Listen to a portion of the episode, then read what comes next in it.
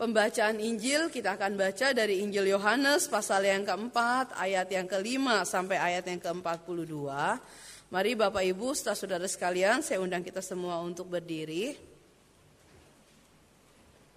Matius pasal yang keempat, eh, Yohanes pasal yang keempat, ayat yang kelima sampai ayat yang ke-42. Demikian bunyinya firman Tuhan. Maka sampailah ia ke sebuah kota di Samaria yang bernama Syikar, dekat tanah yang diberikan Yakub dahulu kepada anaknya Yusuf. Di situ terdapat sumur Yakub. Yesus sangat letih oleh perjalanan, karena itu ia duduk di pinggir sumur itu. Hari kira-kira pukul 12. Maka datanglah seorang perempuan Samaria hendak menimba air. Kata Yesus kepadanya, "Berilah aku minum." Sebab murid-muridnya telah pergi ke kota membeli makanan.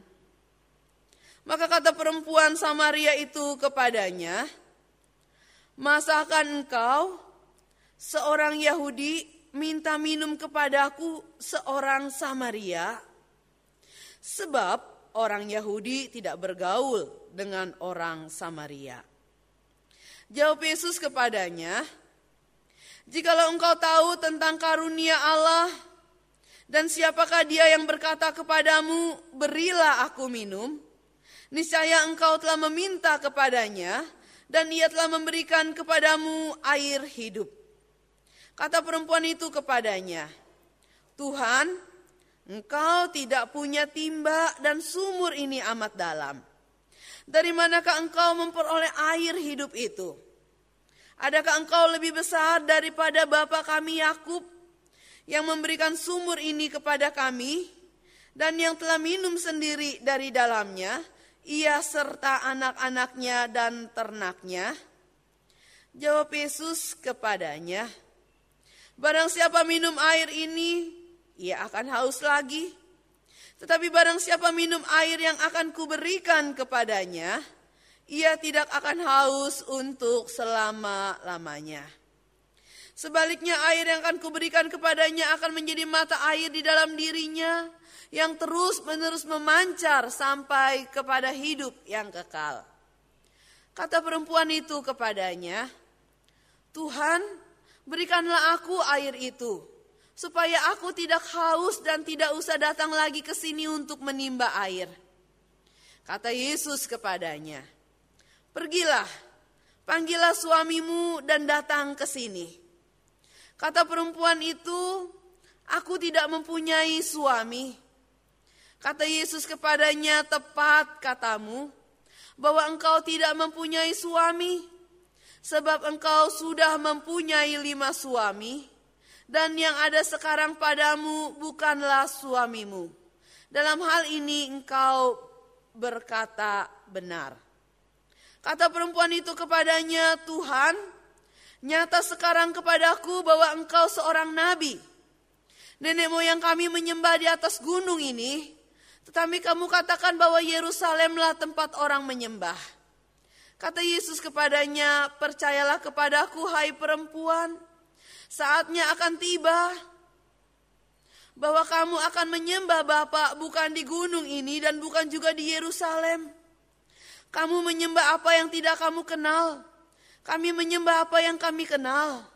Sebab keselamatan datang dari bangsa Yahudi. Tetapi saatnya akan datang dan sudah tiba sekarang bahwa penyembah-penyembah benar akan menyembah Bapa dalam roh dan kebenaran. Sebab Bapa menghendaki penyembah-penyembah demikian. Allah itu roh dan barang siapa menyembah dia harus menyembahnya dalam roh dan kebenaran. Jawab perempuan itu kepadanya, Aku tahu bahwa Mesias akan datang, yang disebut juga Kristus. Apabila ia datang, ia akan memberitakan segala sesuatu kepada kami. Kata Yesus kepadanya, Akulah dia yang sedang berkata-kata dengan engkau. Pada waktu itu datanglah murid-muridnya dan mereka heran bahwa ia sedang bercakap-cakap dengan seorang perempuan. Tetapi tidak seorang pun yang berkata, apa yang kau kehendaki? Atau apa yang kau percakapkan dengan dia? Maka perempuan itu meninggalkan tempayannya di situ, lalu pergi ke kota dan berkata kepada orang-orang yang di situ, Mari lihat, di sana ada seorang yang mengatakan kepadaku segala sesuatu yang telah kuperbuat. Mungkinkah dia Kristus itu? Maka mereka pun pergi keluar kota lalu datang kepada Yesus. Sementara itu murid-muridnya mengajak dia katanya, Rabi makanlah.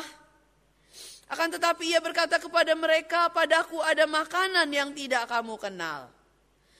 Maka murid-murid itu berkata seorang kepada yang lain, Adakah orang yang telah membawa sesuatu kepadanya untuk dimakan?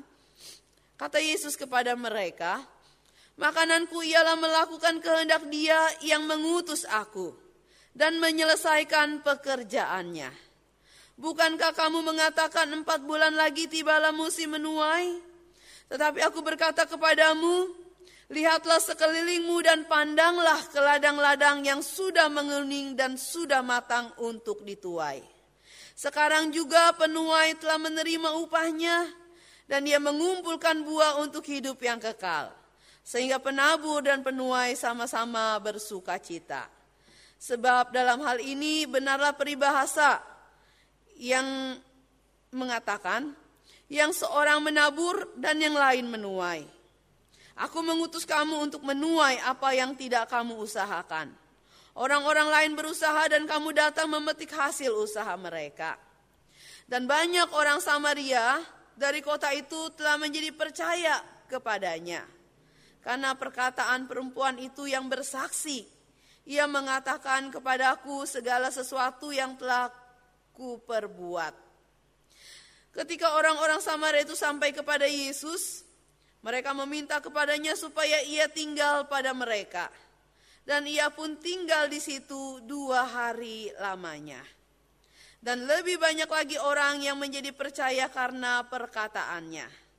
Dan mereka berkata kepada perempuan itu, "Kami percaya, tetapi bukan lagi karena apa yang kau katakan, sebab kami sendiri telah mendengar Dia, dan kami tahu bahwa Dialah benar-benar juru selamat dunia."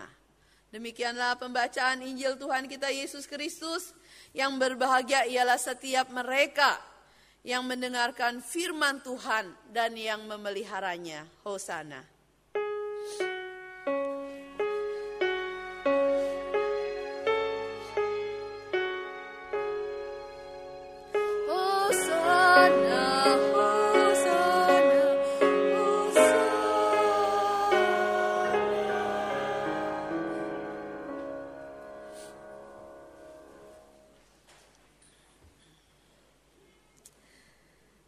Bapak Ibu serta saudara sekalian,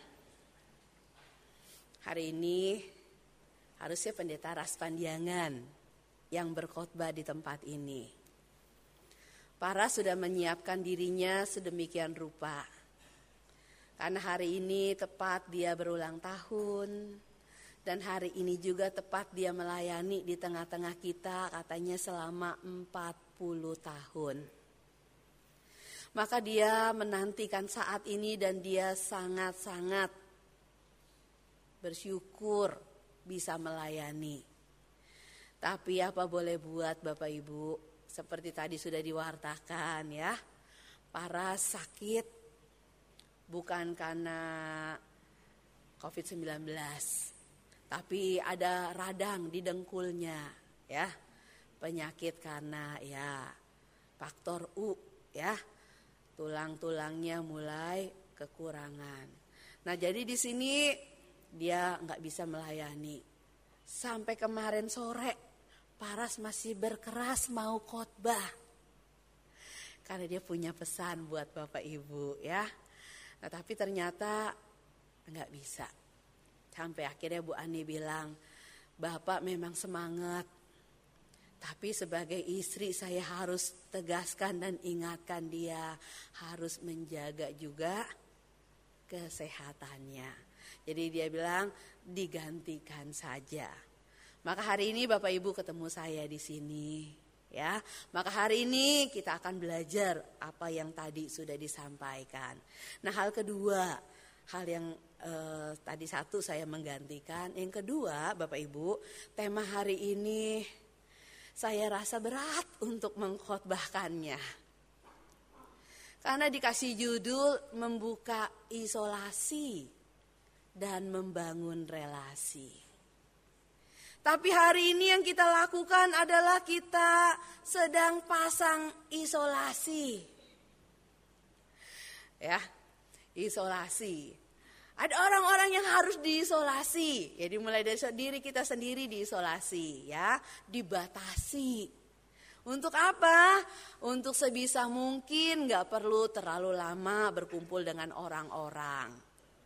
Untuk apa? Diisolasi untuk apa? Untuk sebisa mungkin nggak kontak secara fisik dengan orang-orang. Nggak sembarangan pegang, nggak sembarangan ini, dan nggak sembarangan juga pegang-pegang muka kita, gitu ya. Kita diisolasi. Kenapa? Karena ada alasannya, yaitu supaya wabah yang sekarang ini sedang melanda itu nggak semakin cepat penyebarannya, ya, semakin bisa dibatasi Kenapa? Karena kalau kita udah sering ketemu, kita pegang ini, pegang itu, kita badannya kuat, kita terinfeksi, kita nggak tahu. Tapi kita bisa membagikannya kepada banyak orang katanya ya. Maka dikatakan jaga diri hati-hati jangan sampai kita membagikan virus-virus itu kepada orang lain. Ya, maka Bapak Ibu kita disuruh mengisolasi diri. Nah, isolasi. Karantina. Nggak enak dengernya ya. Dan kita kemarin dengar kabar ada seorang pasien katanya ya yang di karantina lalu dia kabur. Kenapa? Dia takut. Apalagi waktu didapati orang yang disekamarin sama dia itu benar-benar sakitnya parah gitu kan. Dia kabur. Keluar dari rumah sakit melarikan diri Kenapa? Karena memang gak enak. Kalau kita mengisolasi diri itu ya dengan kesadaran kita sendiri kita membatasi diri itu kayaknya kita berasa ya nggak apa-apa dengan kesadaran saya saya mau lakukan ini. Tapi kalau orang lain yang mengisolasi kita, itu rasanya seperti sesuatu yang aduh, kita ini kayak kuman gitu ya. Orang dengar batuk langsung lihat terus jauh-jauh gitu ya. Orang dengar bersin langsung lihat jauh-jauh. Orang dengar ini atau kita kasih tangan dia nggak mau dan sebagainya. Maka kita bilang e, kalau diisolasi sama orang itu rasanya nggak enak. Nah, tapi bapak ibu hari ini itu semua dilakukan. Kenapa dilakukan? Per, tujuannya, pertimbangannya buat kebaikan semua orang ya. Nah kita isolasi bukan berarti kita menutup diri sama sekali nggak berhubungan, nggak mau tahu kamu lagi kenapa, lagi ngapain, terserah kamu lagi sehat, lagi nggak sehat terserah kamu. Saya nggak mau tahu gitu ya. Ada makanan nggak ada makanan terserah kamu. Tanggunglah deritamu sendiri. Hidup-hiduplah, mati-matilah gitu ya. Bapak Ibu bukan yang seperti itu yang kita disuruh lakukan pada hari ini. Yang kita lakukan cuma untuk berjaga-jaga supaya penyebaran penyakit tidak terlalu luas ya. Jadi harus dipandang dan dipahami dengan cara yang seperti itu. Nah, hari ini kita mau berbicara juga tentang perasaan orang yang diisolasi. Nah, Bapak Ibu, apalagi dia diisolasi dalam ruangan yang berisolasi itu ya. Itu siapa dia? Toko yang kita lihat hari ini adalah seorang toko yang bernama, nggak disebutkan namanya ya. Cuma disebut seorang perempuan Samaria. Bapak Ibu serta saudara sekalian, berkaitan dengan bangsa Samaria, sesungguhnya bangsa Israel itu sudah membuat isolasi terhadap mereka. Mereka ini adalah suku bangsa yang dikarantina oleh orang Israel. Dibatasi geraknya. Mereka nggak boleh masuk ke wilayahnya orang Israel Dan mereka nggak boleh berjumpa dan bertemu dengan orang Israel. Kenapa? Karena mereka dianggap sebagai orang-orang najis. Orang-orang kafir. Bukan umat Allah. Maka sekalipun mereka punya nenek moyang yang sama. Sama-sama anak keturunan Yakub sama-sama tinggal di tanah yang diberikan oleh Yakub dan dibagi-bagikan kepada para keturunannya. Tapi mereka dibatasi geraknya. Hanya boleh di kota itu. Dan orang Yahudi sendiri mau isolasi dirinya dari orang Samaria. Maka sebisa mungkin mereka tidak akan pernah melewati kota Samaria. Lebih baik mereka menuju ke Yerusalem dengan jalan memutar jauh dan menghadapi perampok-perampok yang bisa menjumpai mereka di gunung-gunung batu, di jalan-jalan yang berbukit, daripada mereka harus lewat tanahnya orang Samaria. Padahal kalau lewat jalan itu tuh jalan kota. Kalau lewat jalan itu tuh jalan yang pintas dan lebih cepat. Tapi mereka nggak mau lewatin itu. Kenapa? Karena mereka membangun tembok pemisah. Karena mereka takut tercemar kesucian dan kekudusannya. Sehingga mereka betul-betul membatasi. Melarang mereka masuk, melarang eh, orang-orang mereka masuk ke sana. Uh, kemudian apalagi mereka juga melarang untuk berelasi, untuk bercakap-cakap untuk bertetanggaan, mampir, saling sapa itu dilarang. Pokoknya betul-betul nggak ada hubungan, diisolasi sama sekali. Nah Bapak Ibu kenapa begitu? Karena tadi ada apa yang dalam pikiran mereka mengatakan bahwa ini bukan orang-orang yang pantas dijadiin teman.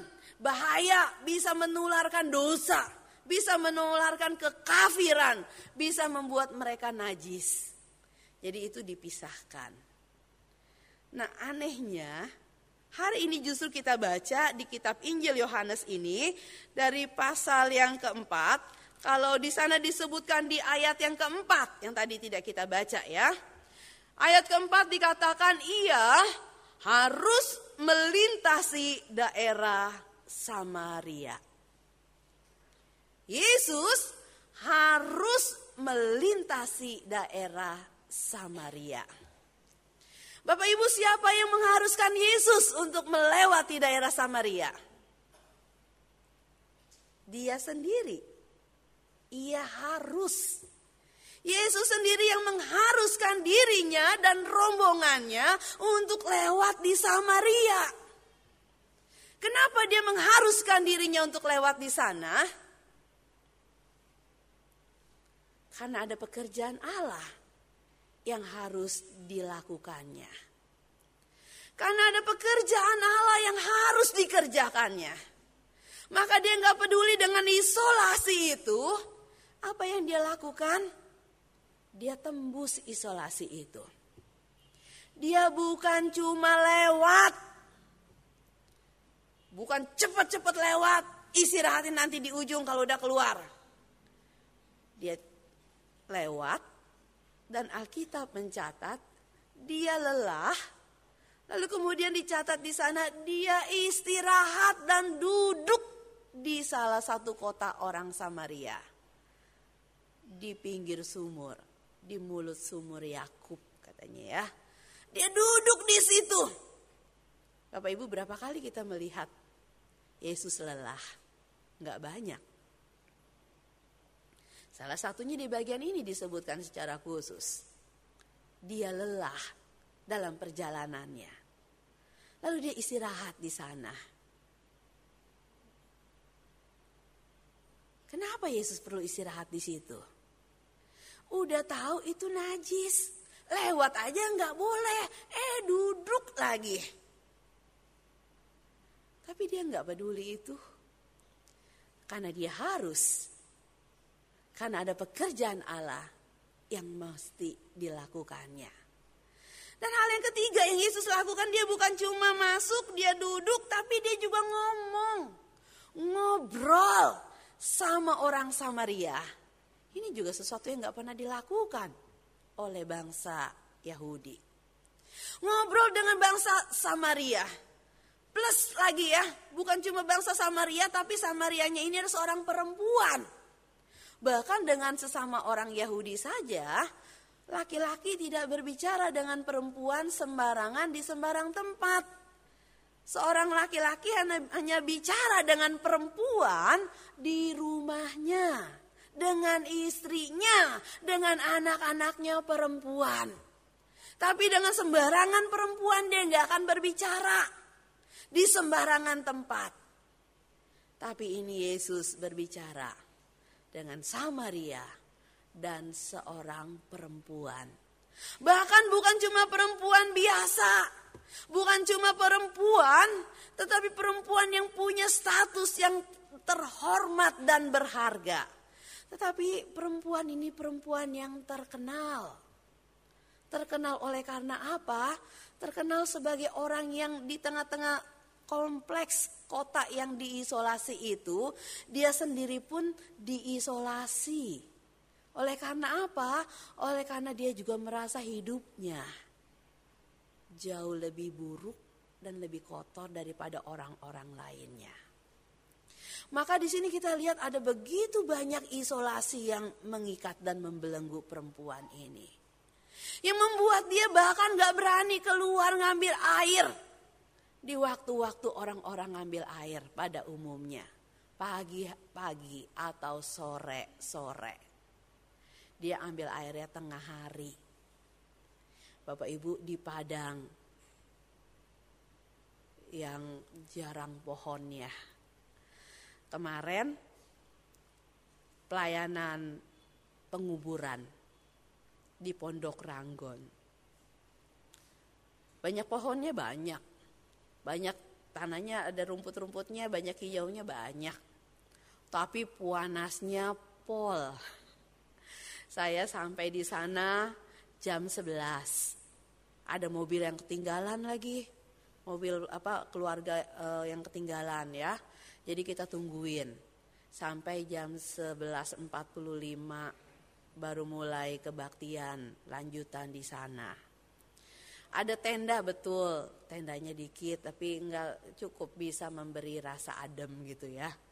Itu panasnya luar biasa kata saya bilang kayaknya otak saya rada matang nih gitu ya. Kenapa? Karena kepanasan.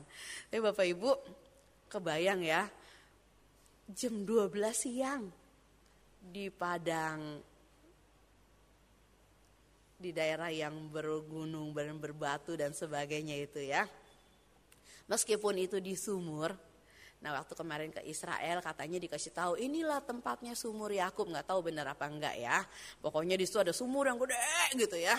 Dan di situ nggak bisa melek bapak ibu saya. Kenapa? Silau panas gitu ya. Merem matanya gitu ya. Panas pol. Jauh lebih panas daripada di Pondok Ranggon gitu ya.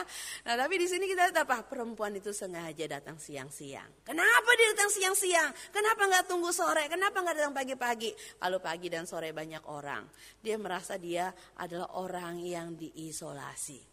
Entah oleh dengan orang-orang di sekitar secara langsung atau nggak langsung, mungkin hanya dengan tatapan mata, mungkin dengan perkataan-perkataan, dengan pergunjingan dan sebagainya, yang membuat dia lalu kemudian dengan sendirinya tidak ada yang membanggari dan membatasi dia, tapi dengan sendirinya dia menarik diri, dia nggak berani. Kenapa? Karena dia takut. Kenapa nggak enak saudara-saudara? Dipandang secara hina, dipandang secara rendah, maka dia menarik diri.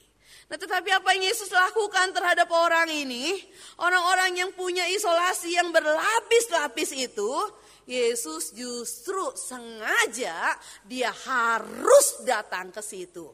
Dia harus ketemu perempuan itu dan dia harus berkata-kata dengan dia. Karena dia mau melakukan dan menyatakan pekerjaan Allah.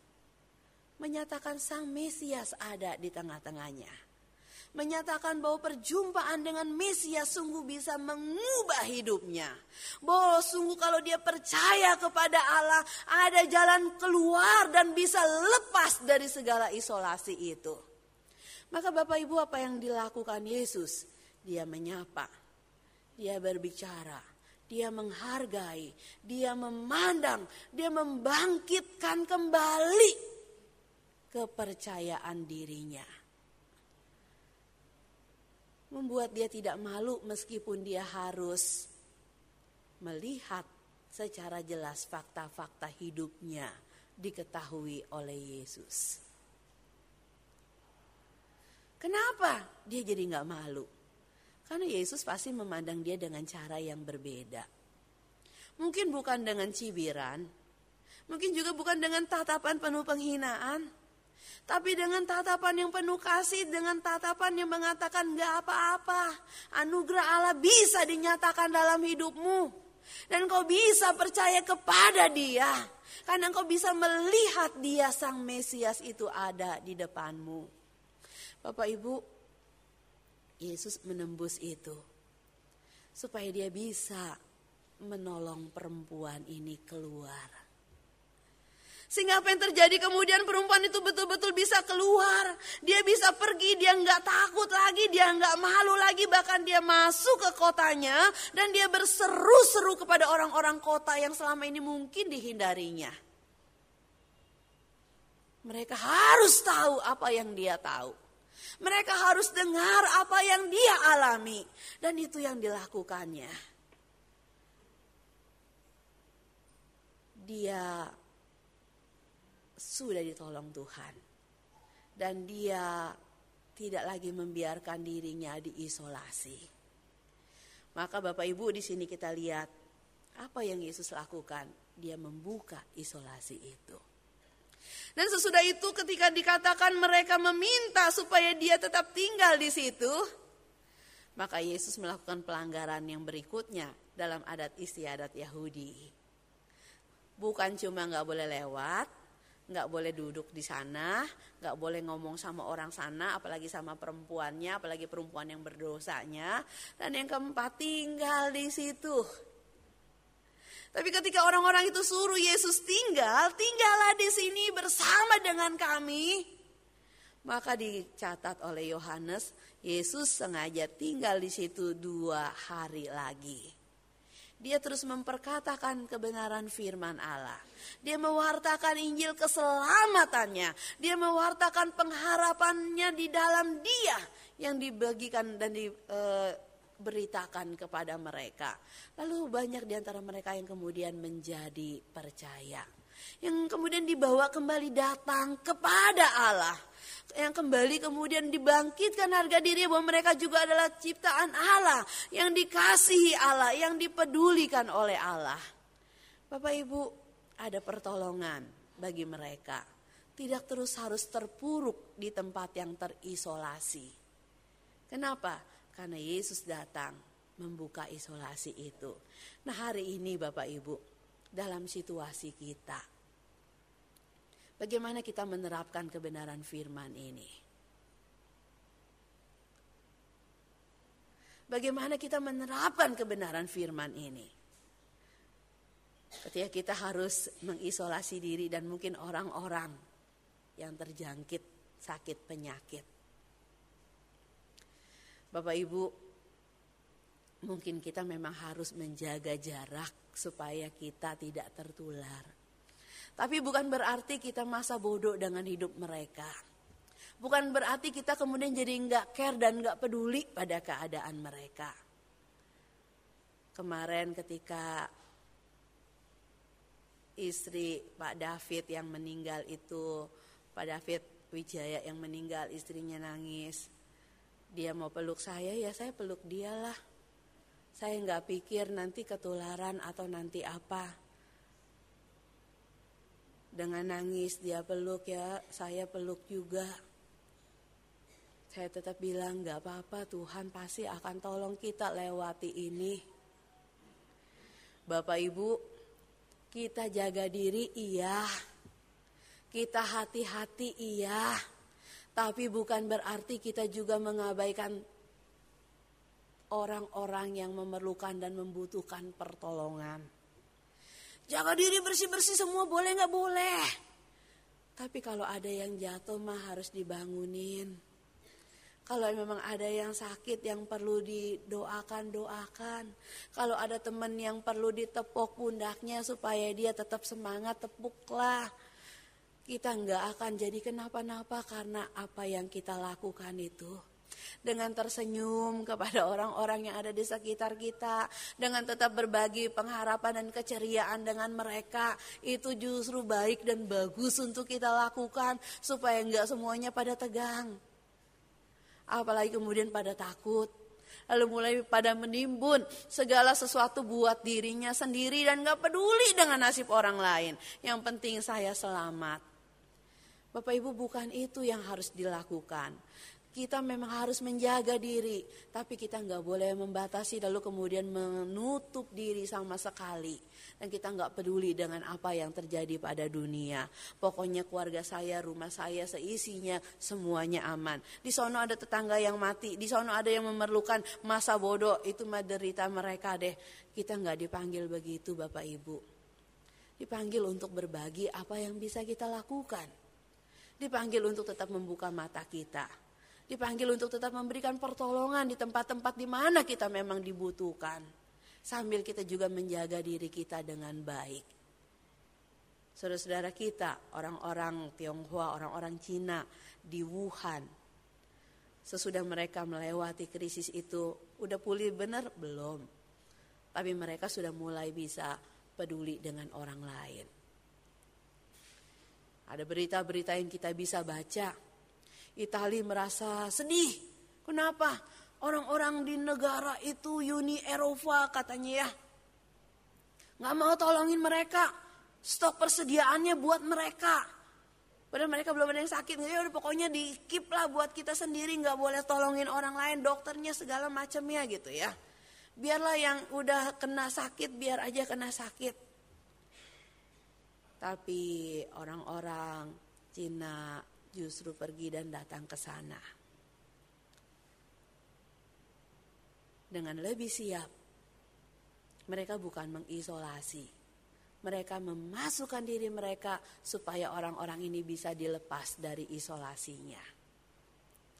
Nah, Bapak Ibu, jadi kita memandang apa yang kita lakukan hari ini bukan berarti Bapak Ibu harus takut, nggak boleh lagi saling menyapa, nggak lagi saling apa namanya ketawa gitu ya. Boro-boro dah menyapa, ngobrol ya, salaman aja kagak boleh, jangan harus jaga jarak. Lalu Bapak Ibu jadi nggak mau tahu apa-apa tentang saudara-saudara kita, jangan ya. Betul kita harus jaga diri, jaga diri dengan baik. Jangan sampai kita jadi agen penularan, penyebaran ya. Nah, tapi biarlah kita juga tetap menyatakan kasih dan kepedulian kita ya.